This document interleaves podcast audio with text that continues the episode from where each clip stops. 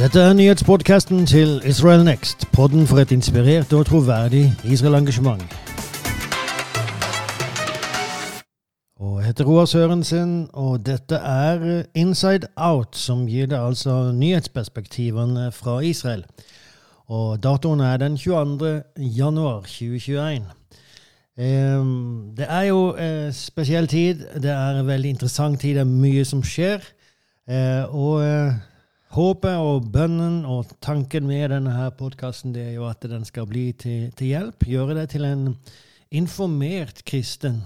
Eh, eller informert person i det hele tatt, om ikke du er en troende. Eh, så gjør deg informert om hva som skjer i Israel. Eh, og da for du som er kristen, at du virkelig kan bruke det her til å be. Til å be mer informert om det som skjer der nede. Så det er som sagt eh, godt å minne oss, minne oss om det her, for det er jo en masse kunnskap og det er masse man kan si. Og, og det her som jeg bringer fram, det kommer jo litt fra den ene sida, litt fra den andre sida. Eh, det er eh, ikke en svart-hvit situasjon som vi presenterer. Vi forsøker å få fram virkeligheten for at eh, det som du sier, og det som du ber, skal være troverdig. Så eh, med det sagt så går jeg til eh, dagens eh, temaer. Og det vi skal snakke om, det er for det første våre to vanlige oppdateringer. Det ene gjelder korona, det andre gjelder valget, som altså skal være den 23. mars. Så har vi Israel-USA-relasjonene, skal vi snakke litt om, etter at det har blitt en ny mann i Det hvite hus. Vi skal snakke litt om Hizbollah i Libanon, som holder på å bygge opp et parallelt samfunn i, i det landet. Så har vi arkeologi, og så har vi Parashat Hashavua, altså den ukentlige to Torah-lesninga i synagogen. Vi begynner med første sak, eh, koronaoppdateringa. Og Israel holder nå på å gå mot slutten av sin tredje uke av den tredje nasjonale nedstengninga. Eh, det kommer litt an på hvordan man teller dette her. For vi hadde jo en nedstengning som varte et par uker, som ikke var spesielt nedstengt. Men eh, vi, vi, kaller det dette, den tredje uka av den tredje nedstengninga.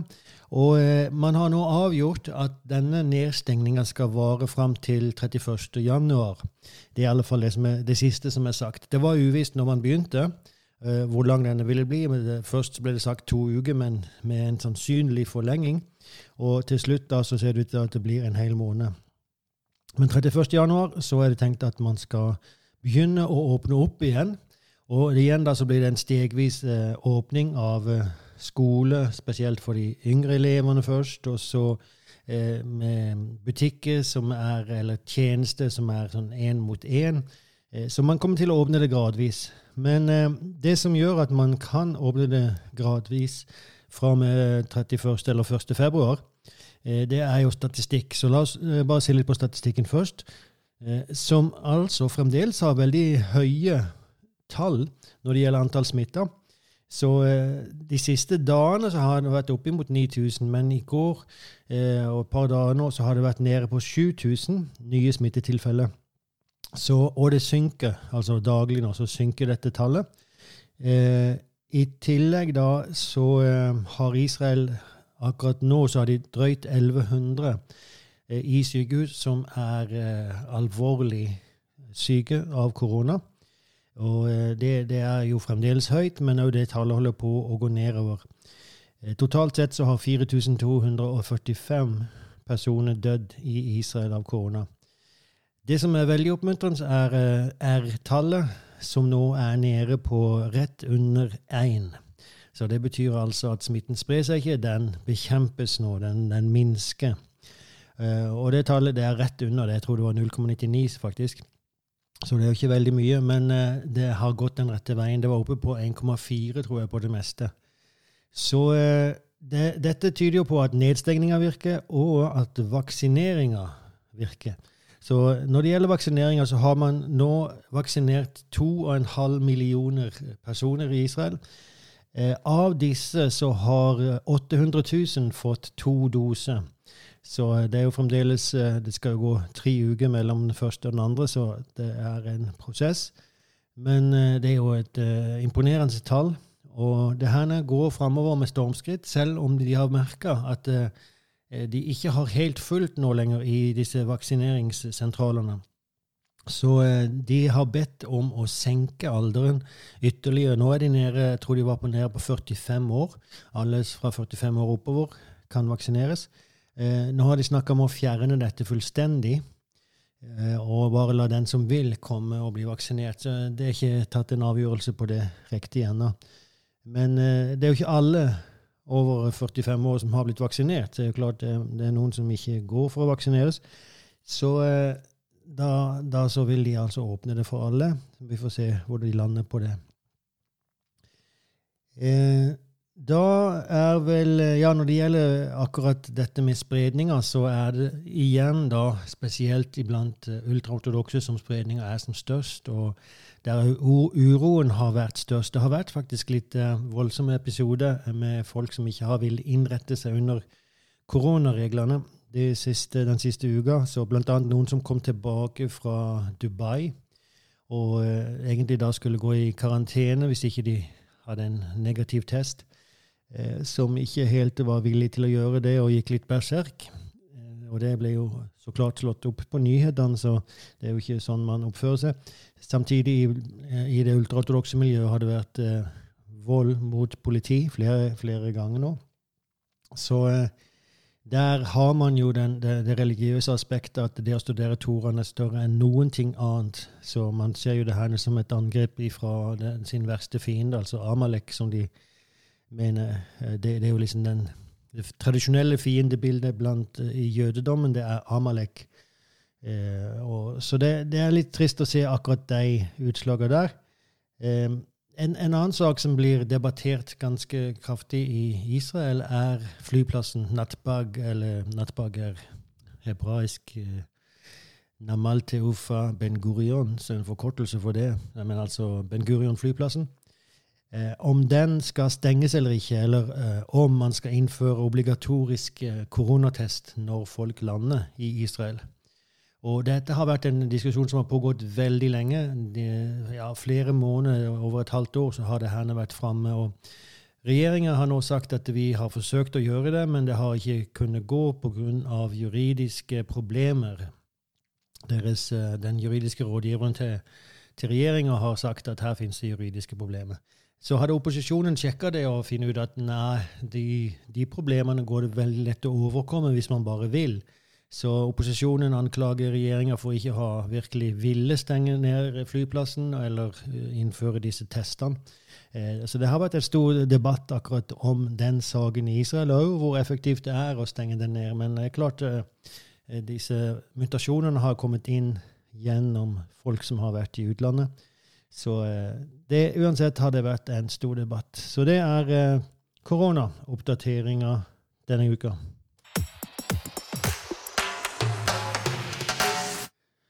Valgoppdatering, og jeg vil ikke egentlig gå så veldig mye inn i den, fordi det er fremdeles for tidlig ettersom vi ikke har nådd 4. februar. Den 4. februar er som sagt datoen da alle lister må være inne.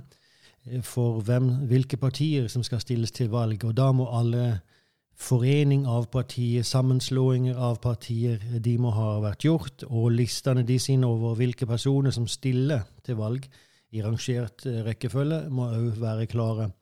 Så eh, fra, fra, da av så kommer det, til å bli, det til å bli mye mer interessant eh, å diskutere disse sakene, for da er det òg mer tydelig hvilke partier som kan tenkes å samarbeide med hverandre. Det som har skjedd, er at det har blitt enda flere partier som har tilkommet denne siste uka. Sånn at eh, Jeg skal bare nevne de veldig kort. De nye ikke de som kom denne uka, men totalt sett så har vi jo altså Tikva Hadashal New Hope, som Gidon Sar leder. Vi har uh, Miflegeda Kalkalit, the, the, New Economic Party, som Jaron Seleka uh, velger. Begge disse klarer Nei, det første klarer jo sperregrensa uten problemer.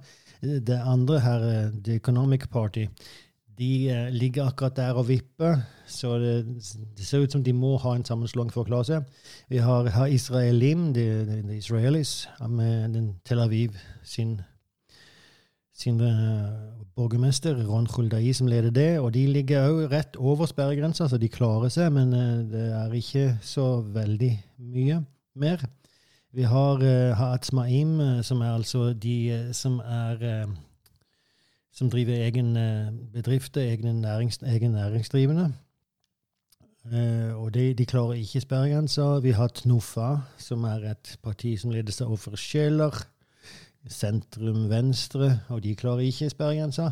Vi har uh, Havatikim, det er det nye partiet som har kommet denne uka. og Det er altså The Veterans, veteranene, som ledes av Dania Tom, en tidligere Knesset-medlem, faktisk.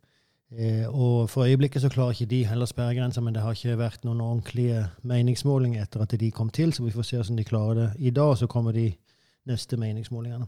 Så alle de her partiene er nye. I tillegg så har vi en hel haug med andre som, heller, som ligger og kjemper der med sperregrenser. Så National Union, Otsma, Yehudit, eh, Gesher, Telem, Labour. Og til og med det arabiske partiet eh, The Joint List kan få problemer hvis de splittes opp. Noe som ser ut for at de går imot det. Så, så her har vi eh, syv, åtte, ni, ti, elleve partier som ligger der eh, og kjemper med sperregrenser. Så, nå, så fort vi vet hva som skjer med disse, så blir det som sagt mer interessant. De utviklingene som har skjedd da, i tillegg til at det her eh, veteranpartiet kom opp i siste uke her, så har Benny Begin har nå gått med i New Hope, partiet til Gidon Sar.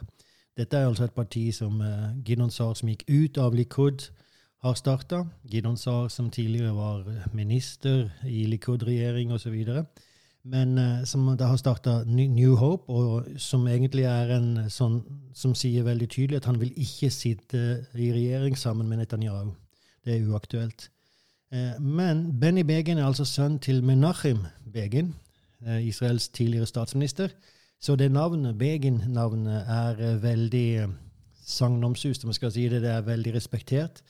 Og derfor så, så, Selv om Benny Begin nå begynner å bli gammel og ikke kommer til å være veldig aktiv, kanskje, så, eh, så er det en person som det står respekt av. Og eh, derfor en eh, om du kan si en seier for Gidon Sar. Benny Begin var òg med i Likud tidligere, var òg minister for Likud. Så uh, igjen da, et, et nederlag kan du si for Netanyahu at han gikk med der. Uh, Netanyahu sjøl han pusher på for å få til en sammenslåing mellom to små partier på høyresida. Og lover de uh, ganske altså gull og grønne skoger hvis de slår seg sammen og klarer sperregrensa. Og hvis de da kommer inn i hans koalisjon, noe de er jo garantert å gjøre hvis det, hvis det, det blir flertall for høyresida, så, uh, så, kommer han til å gi de ganske masse av ministerposter osv., sier rapportene. Så han, i alle fall, han vil se til at ingen stemme går tapt på høyresida. På venstresida har vi Ehud Barak, som forsøker på samme sak. Eh, tidligere statsminister, men som nå ikke er politisk aktiv. Eh, det vil si, i kulissene så er han politisk aktiv. Eh, og han forsøker å få til eh, sammenslåinger på venstresida for å se til at ingen stemme, stemme går tapt på den sida.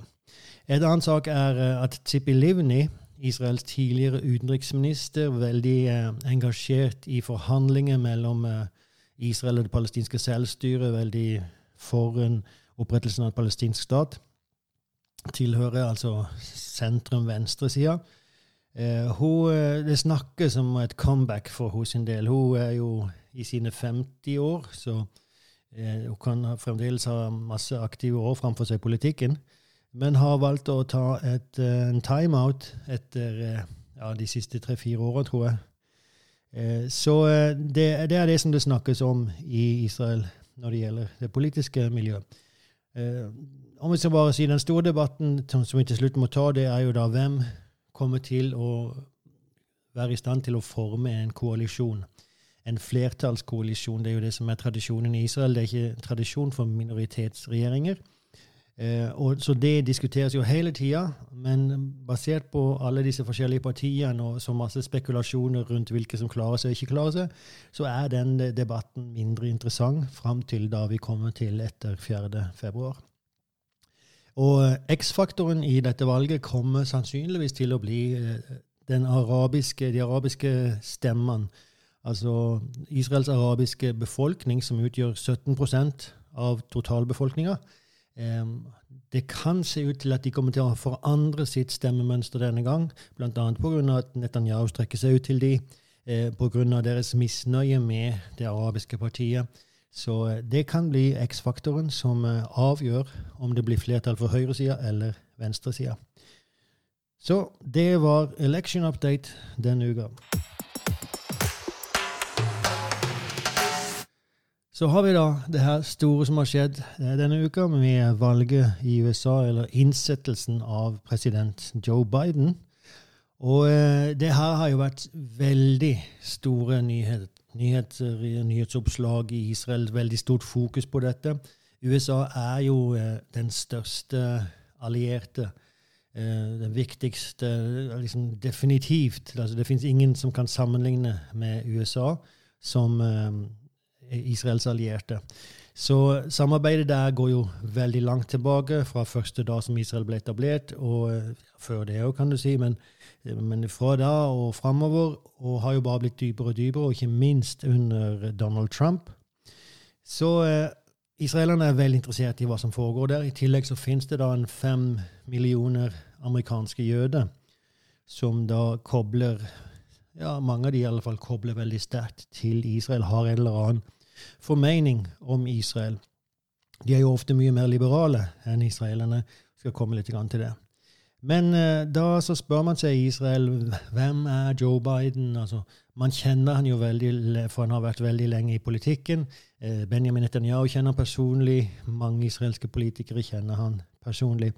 Eh, han er jo en selvproklamert sionist. Han har uttalt det sjøl. Jeg er en sionist. Og, og, det er jo ganske spesielt. Det er ikke mange som skulle våge å si det. Så eh, det, det er jo en positiv ting at han virkelig har gjort det. Eh, og, så det finnes ingen tvil om at han er jo for staten Israels eksistens, trygg i sikkerhet osv. Men eh, spørsmålet er egentlig hva slags sionist er han? Det finnes heller ingen tvil om at uh, han er for at Israel skal ha the military edge, altså et militært overtak i den regionen. Og det er jo noe som USA har hjulpet til å forsyne Israel med, med militær støtte eh, og teknologi, som Israel faktisk veldig ofte utvikler og forbedrer. Men eh, det er en annen side av saken. Men det samarbeidet der er utrolig viktig for Israel, og for at Israel skal da ha det her militære overtaket. Så hva slags sionist er han? Fordi at um, han tror jo samtidig på uh, at uh, en palestinsk stat må opprettes. Noe som igjen da betyr at uh, han mener Israel ikke har rettigheter i Judea og Samaria. I hvert fall små, minimale rettigheter der. når det gjelder Jerusalem, så har ikke heller Israel noe automatisk rett til østre Jerusalem. så det her er jo problematisk. Da må man spørre hva slags sionist er du hvis Israel, hvis jødene ikke har rett til Sion? Om vi snakker om Sion som i sin spesifikke betydning, så er jo det faktisk et fjell i Jerusalem. Som ifølge da Joe Biden og veldig, ja, egentlig det hele internasjonale samfunnet Israel ikke har noen rettighet til. Så eh, det, en sionist kan man nok si at han er, for han er for Israels uh, rett til å eksistere. Men man må nå begynne å definere ok, hva slags sionist er jeg.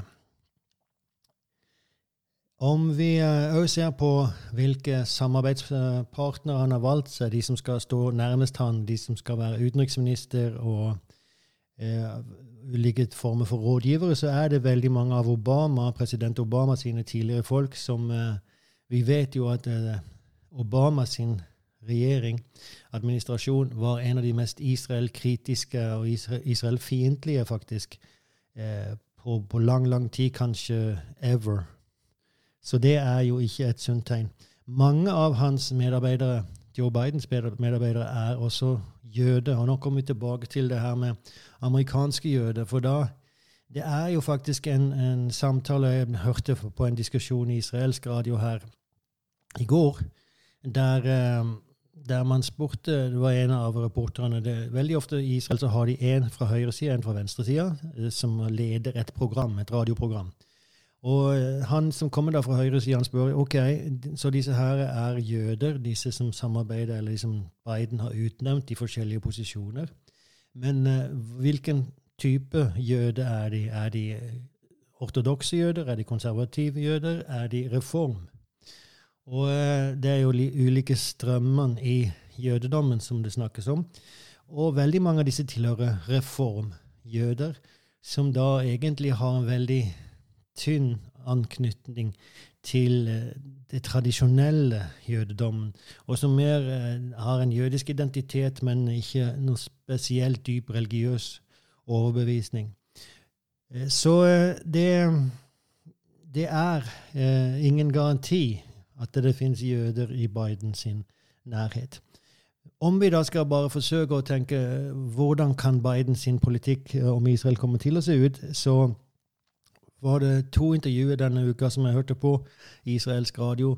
Et med Michael Oren, som var Israels tidligere ambassadør i USA, og som også er professor i historie, og eh, har sittet på Knesset, israelske Knesset. men eh, Så han ble uttalt, han ble intervjua, og det samme ble Zippy Livni, som jeg nevnte tidligere, tidligere utenriksministeren. Og begge var ganske enige om hvordan Biden kom til å forholde seg, at han kom til å ville ha en palestinsk stat. Det kommer til å være hans uh, end goal. Uh, men det kom definitivt ikke til å være hans prioritet. Og de begge to var enige om at han kanskje ikke kommer til å gå inn på det sterkt i det hele tatt, fordi det finnes så mange andre saker som ligger føre. Bl.a. kampen uh, mot korona, det økonomiske aspektet, gjenopprettelse av allianser, som han kaller det, som han mener at Trump har brutt ned, både med Kina og med Europa. Og og Iran, saken med Iran. Så eh, det er så mange andre ting som kommer langt føre denne konflikten. Og dessuten så anser de i denne administrasjonen, ifølge Michael Oren og Tippe Livni, at eh, det er veldig små sjanser for suksess. At det skal bli en, en reell fredsavtale. Så derfor så kommer de nok ikke til å pushe det. Men Eh, de kommer til å gjøre steg som kommer til å være problematiske for Israel. Det ene er allerede som nevnt Iran. At Biden vil gå tilbake igjen til atomavtalen. Sies at han vil forbedre den, men det er veldig liten sjanse for at det er noe som kommer til å skje. Eh, Iran er veldig dyktig på sine forhandlinger, og de har allerede eh, tatt steg framover nå mot et atomvåpen som de ikke kommer til å være villige til å bakke på, og som de kommer til å kreve store concessions, altså ettergivelser, for å bakke på. Så det er klart, at om det skulle bli en, ny avtale, så kommer det til å presenteres i USA som en bedre avtale, eh, men det er liten sjanse for at det virkelig er det. Eh, en annen sak som, eh, som de kommer nok til å, å, trykke på, det er at Israel ikke bygger i Judea-Samaria, bosetninger.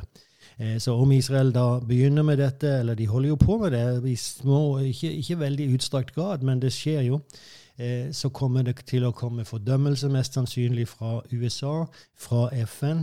Og sannsynligvis da så kommer ikke Joe Bidens administrasjon til å legge ned veto i Sikkerhetsrådet mot uh, fordømmelser av Israel for bygging i, i bosetninger. Så det her er jo en helt annen situasjon enn den vi har vært vant til de siste fire åra. Derimot så kommer han nok til å være positiv til Israels uh, normaliseringsavtaler, fredsavtaler med de arabiske landene, uh, selv om eh, han heller ikke vil kanskje pushe det noe, noe mer, fordi at det går sånn som de ser det på den sida av det politiske spekteret, så går det på bekostning av Palestina, altså opprettelsen av en palestinsk stat. Så det kommer til å bli ganske annerledes, ganske mye mer problematisk, utfordrende for Israel. Eh, det er ikke en situasjon de har vært uvant med, og heller ikke Netanyahu har vært uvant med den om han kommer til å vinne valget. Eh, for det var, det, det var den situasjonen han hadde under Obama, og, og håpet er jo at det ikke blir så ille som det var under Obama.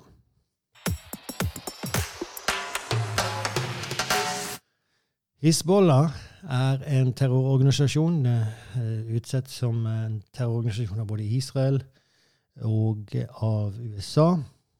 Nå ble jeg faktisk usikker på om av EU.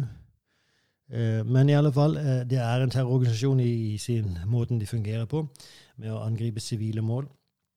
og eh, selv om de har jo blitt mye mer som en reell armé, de har jo altså full, komplett armé som er sterkere enn Libanons egen armé. Men deres hovedmål er egentlig utslettelse av Israel. så det som har skjedd i Libanon de siste årene, er at de har fått en masse flyktninger fra Syria, som har virkelig tæra på de sin økonomi. Eh, de har eh, fått eh, store problemer rent økonomisk av andre årsaker. Problemer med internasjonale garantier som ikke kommer inn. Bl.a. pga. Hizbollahs sterke innflytelse i det politiske livet. De har, så det finnes sanksjoner til og med fra USA mot Libanon. De har denne eksplosjonen på, i Beirut som, for et halvt års tid siden som òg ødela store deler av de sitt kornlager, men òg la i grus store deler av Beirut, som har igjen tæra på økonomien og tæra på ressursene i landet. Og så har de jo der den her politiske unrest, altså det er politisk urolig i landet, eh, med alle disse etniske og religiøse gruppene som hele tiden er i en maktbalanse. Så Libanon er ikke i en bra situasjon, men i dette så har altså Hizbollah kommet inn, eh, støtta av Iran, og tatt kontroll over store deler av den sørlige delen av Libanon. Faktisk den delen, altså helt ned til Israels grense. Det er en del som eh, ifølge FN-resolusjon 1701, Sikkerhetsrådets resolusjon 1701, Hizbollah ikke skulle finnes. Altså, her finnes det en internasjonal bestemmelse på at Hizbollah skal ikke finnes i dette her området som ligger helt nede mot Israels grense. Der har de tatt full kontroll nå, eh, selv om FN fremdeles finnes der. FNs observatører. Så det er en ganske spesiell situasjon. Men uh, i tillegg nå så går de inn, ikke tar, tar bare militærkontroll, men de oppretter faktisk et parallelt samfunn med egne banker, egne pharmacies, uh, apotek for det er veldig mangel på uh, medisiner i landet. Egne butikker, matbutikker, for igjen, det er veldig mangel på det, det, er dyrt å kjøpe mat. Og alt det her er importert via, fra Syria og Iran og selges da til enormt billige priser. Så Iran hjelper jo til å, å finansiere dette. de har òg egne nå bensinstasjoner, egne banker. Altså, Alt det her de opprettes som en, en parallell økonomi for å gjøre seg uavhengig av den libanesiske. Og igjen, det her er jo utrolig problematisk, for du får da en enhet som er eh, egentlig eh, selvforsørgende. I alle fall så lenge Iran står med dem. Eh, og tar, tar kontrollen over store deler av Libanon. Så misnøyen i Libanon mot Hizbollah blir jo bare større og større. Eh, for de risikerer jo å kaste landet ut i en krig, om de skulle gå til krig mot Israel, om Libanon skulle sende raketter inn i Israel, så kommer Israel til å svare mot hele landet, fordi man anser jo regjeringen i landet som ansvarlig. Så uh, det her er en uh, veldig delikat situasjon, en veldig uh, eksplosiv situasjon. Så her behøves det internasjonal inngripen som ser til at Libanon havner Altså at Hizbollah blir, eh, blir eh, satt på plass, å si. Men eh, det, hoved, hovedsaken her er jo Iran. For hvis man bare kan kutte koblingen til Iran, hvis man kan kutte eh, innflytelsen av, eller inn, innflødet av penger og ressurser, så, så, vil det hjelpe. Og derfor så kommer vi tilbake til Iran-avtalen, den atomvåpen, eller atomavtalen. Eh, der sanksjoner ikke kan lettes. For Hvis du letter på sanksjoner, så frigjør det penger i Iran, og man kan lettere støtte, fortsette å støtte Hizbollah. Så alt det her henger sammen. Det er virkelig en ond akse som går fra, fra Iran via Irak, selv om uh, Irak ikke er under iransk kontroll sånn sett, men deler av det er. Uh, via Syria og inn i Libanon. En ond akse som uh, Iran står bak. Så eh, her behøves det internasjonal inngripen, og vi får håpe og be og tro om det. Og ikke minst be for libaneserne, som, som lider for noe forferdelig under denne situasjonen. Det kunne ha vært så mye bedre, og det var så mye bedre i Libanon. Libanon ble jo ansett som liksom et paradis i, i Midtøsten, iallfall i det arabiske Midtøsten. Så det, det, kan være så mye bedre med det her mosaikken av eh, kulturer, religioner osv. Men akkurat nå så er det bare en eksplosiv bombe. I korthet, to millioner i Israel lever under fattigdomsgrensa ifølge en ny rapport som kom ut. 30 eh, av disse er barn. Dette er tragiske tall. Eh, de har vært veldig høye i mange år allerede. Og det virker som Israel har veldig problemer med å få ned disse tallene. Så det var bare en ny rapport som kom ut akkurat nå.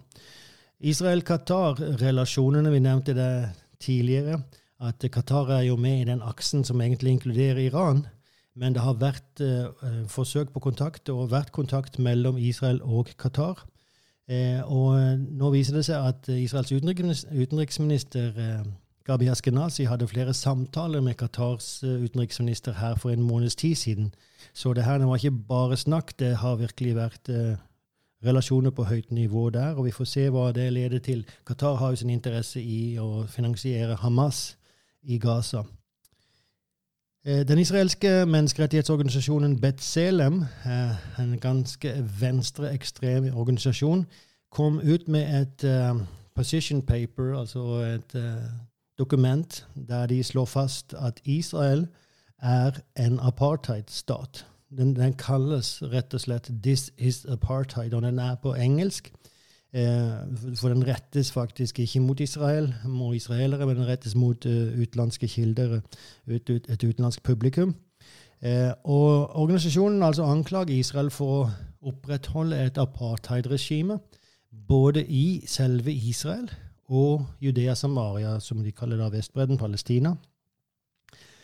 Og eh, det her er altså israelere, venstreekstreme israelere, som man må kunne kalle de antisionister. Um, for de mener ikke at Israel egentlig behøver å eksistere har en rett til å eksistere. Uh, det er en apartheidstat. Så uh, det som er trist med denne organisasjonen, er jo at den finansieres i stor del av europeiske land. Eh, noe som òg gjør at eh, de hele tida må komme opp med mer og mer ekstreme uttalelser, mer og mer ekstreme dokumentasjon, så so, to say, eh, om ting som skjer i israelske såkalte overgrep. Og det er det som er deres sak. De, de forsøker å leite fram det meste, og så overdriver de alt mulig og setter det helt ut, tar det ut av kontekst. Så bare veldig trist at dette hender. Eh, og spesielt da at eh, om det var som så at deres mål var å forbedre Israel, så var det én sak. Om de kritiserte dette her internt. Men de går som sagt ut av Israel med det her og legger det fram på et internasjonalt plan. Eh, og eh, det er som sagt baktalelse. Det er eh, fakta som er tatt helt ut av sin sammenheng. Eh, og det er direkte løgne. Så eh, veldig trist. Betselem, åssen eh, de holder på å jobbe.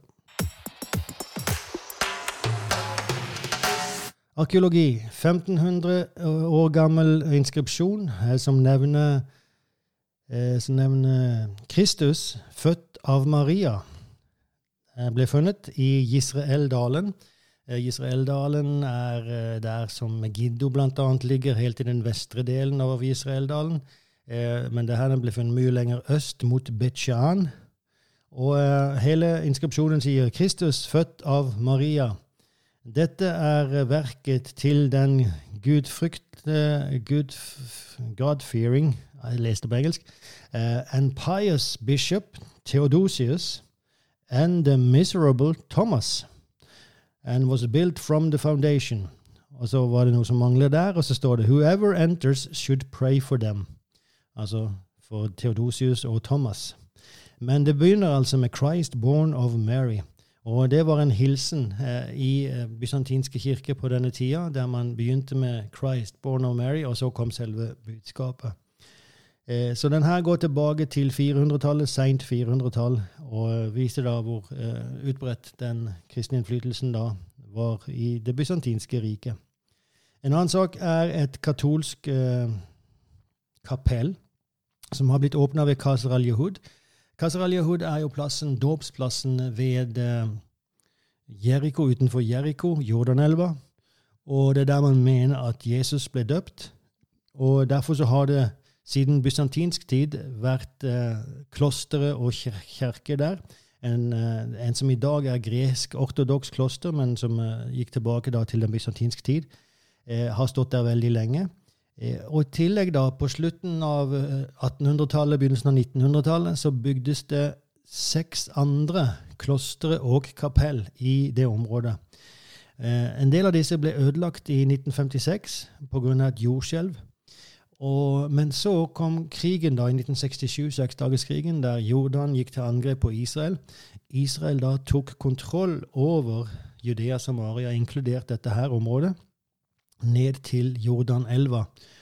Og eh, da ble det her et grenseområde et, mellom Israel og Jordan. Eh, det ble minert. Det ble, altså alle måtte forlate området. Det ble militært område. Det ble lagt miner, for det var hele tida terrorister som eh, infiltrerte Israel fra Jordan. Så, så, Israel la miner i området. Og eh, sånn har det vært da siden 1967, da disse kapellene, det som var igjen av de, ble stengt ned. Mye, mye ble som sagt ødelagt i jordskjelvet, men andre, det fantes fremdeles aktivitet i noe av det, bl.a. et katolsk kapell. Nå, så har, eh, Siden 2011 så har det herne blitt rydda, og det ble åpent igjen for publikum å komme ned til Jordanelva, til dåpsplassen. Det er tilrettelagt veldig fint. Eh, og, eh, men det var fremdeles et katolsk kapell der som ikke var åpent, fordi det var ikke rydda for miner altså rundt i området rundt der. Nå hadde det blitt rydda, og for første gang da, den 10. januar, for første gang siden 1967, så ble det holdt en katolsk messe ved det kapellet. Så eh, det skjer ting eh, hele tida.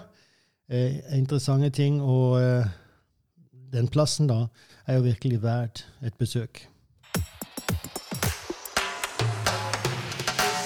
Parashat Hashavua denne uka eh, heter Bå. Kom.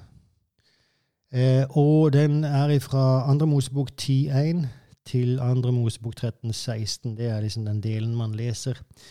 Eh, jeg skal bare kort nevne to poeng her som tas opp av rabbiner. Det ene er den, eh, den um, healthy, den sunne usikkerheten som det fins i det å vandre med Gud.